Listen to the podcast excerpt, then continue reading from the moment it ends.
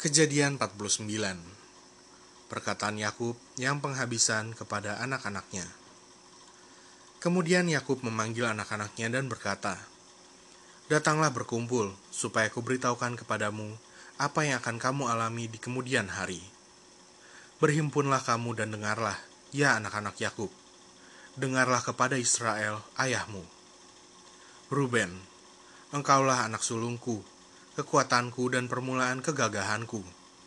Engkaulah yang terutama dalam keluhuran, yang terutama dalam kesanggupan. Engkau yang membual sebagai air, tidak lagi engkau yang terutama, sebab engkau telah menaiki tempat tidur ayahmu. Waktu itu engkau telah melanggar kesuciannya. Dia telah menaiki petiduranku. Simeon dan Lewi bersaudara. Senjata mereka ialah alat kekerasan Janganlah kiranya jiwaku turut dalam permupakatan mereka. Janganlah kiranya rohku bersatu dengan perkumpulan mereka. Sebab dalam kemarahannya mereka telah membunuh orang. Dan dalam keangkaraannya mereka telah memotong urat keting lembu. Terkutuklah kemarahan mereka, sebab amarahnya keras. Terkutuklah keberangan mereka, sebab berangnya bengis.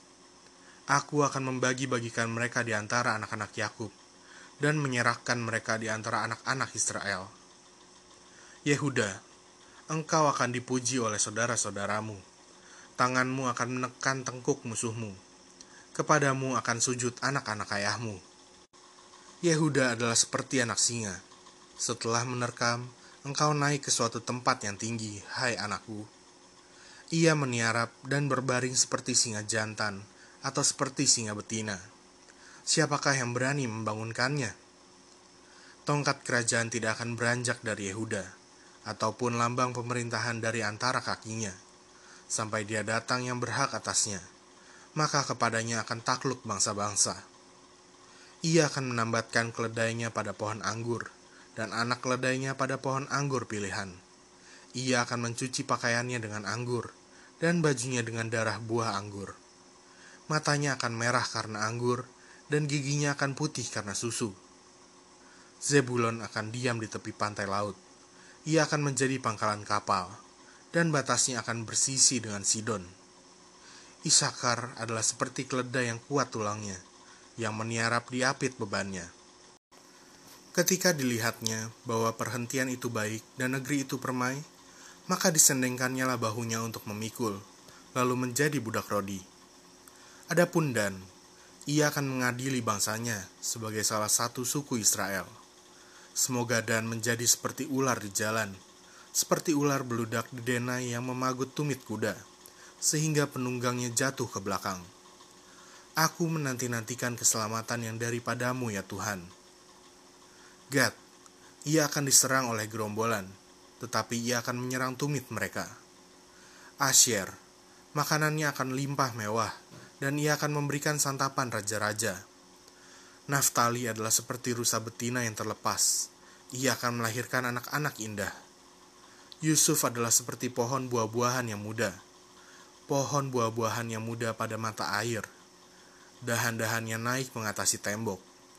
Walaupun pemanah-pemanah telah mengusiknya, memanahnya dan menyerbunya, namun panahnya tetap kokoh dan lengan tangannya tinggal lihat oleh pertolongan yang maha kuat pelindung Yakub, oleh sebab gembalanya gunung batu Israel. Oleh Allah ayahmu yang akan menolong engkau, dan oleh Allah yang maha kuasa yang akan memberkati engkau dengan berkat dari langit di atas, dengan berkat samudera raya yang letaknya di bawah, dengan berkat buah dada dan kandungan. Berkat ayahmu melebihi berkat gunung-gunung yang sejak dahulu, yakni yang paling sedap di bukit-bukit yang berabad-abad. Semuanya itu akan turun ke atas kepala Yusuf, ke atas batu kepala orang yang teristimewa di antara saudara-saudaranya. Penyamin adalah seperti serigala yang menerkam.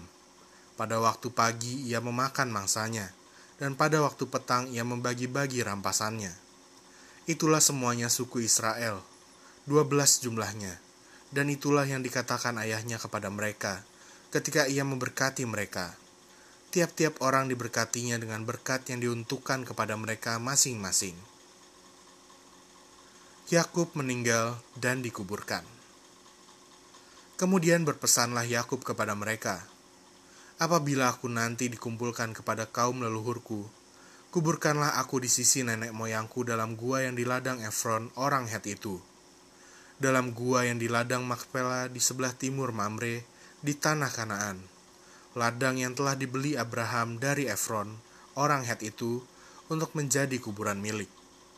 Di situlah dikuburkan Abraham beserta Sarah istrinya. Di situlah dikuburkan Ishak beserta Ribka istrinya dan di situlah juga aku kuburkan Lea. Ladang dengan gua yang ada di sana telah dibeli dari orang Het. Setelah Yakub selesai berpesan kepada anak-anaknya, ditariknyalah kakinya ke atas tempat berbaring dan meninggallah ia. Maka ia dikumpulkan kepada kaum leluhurnya.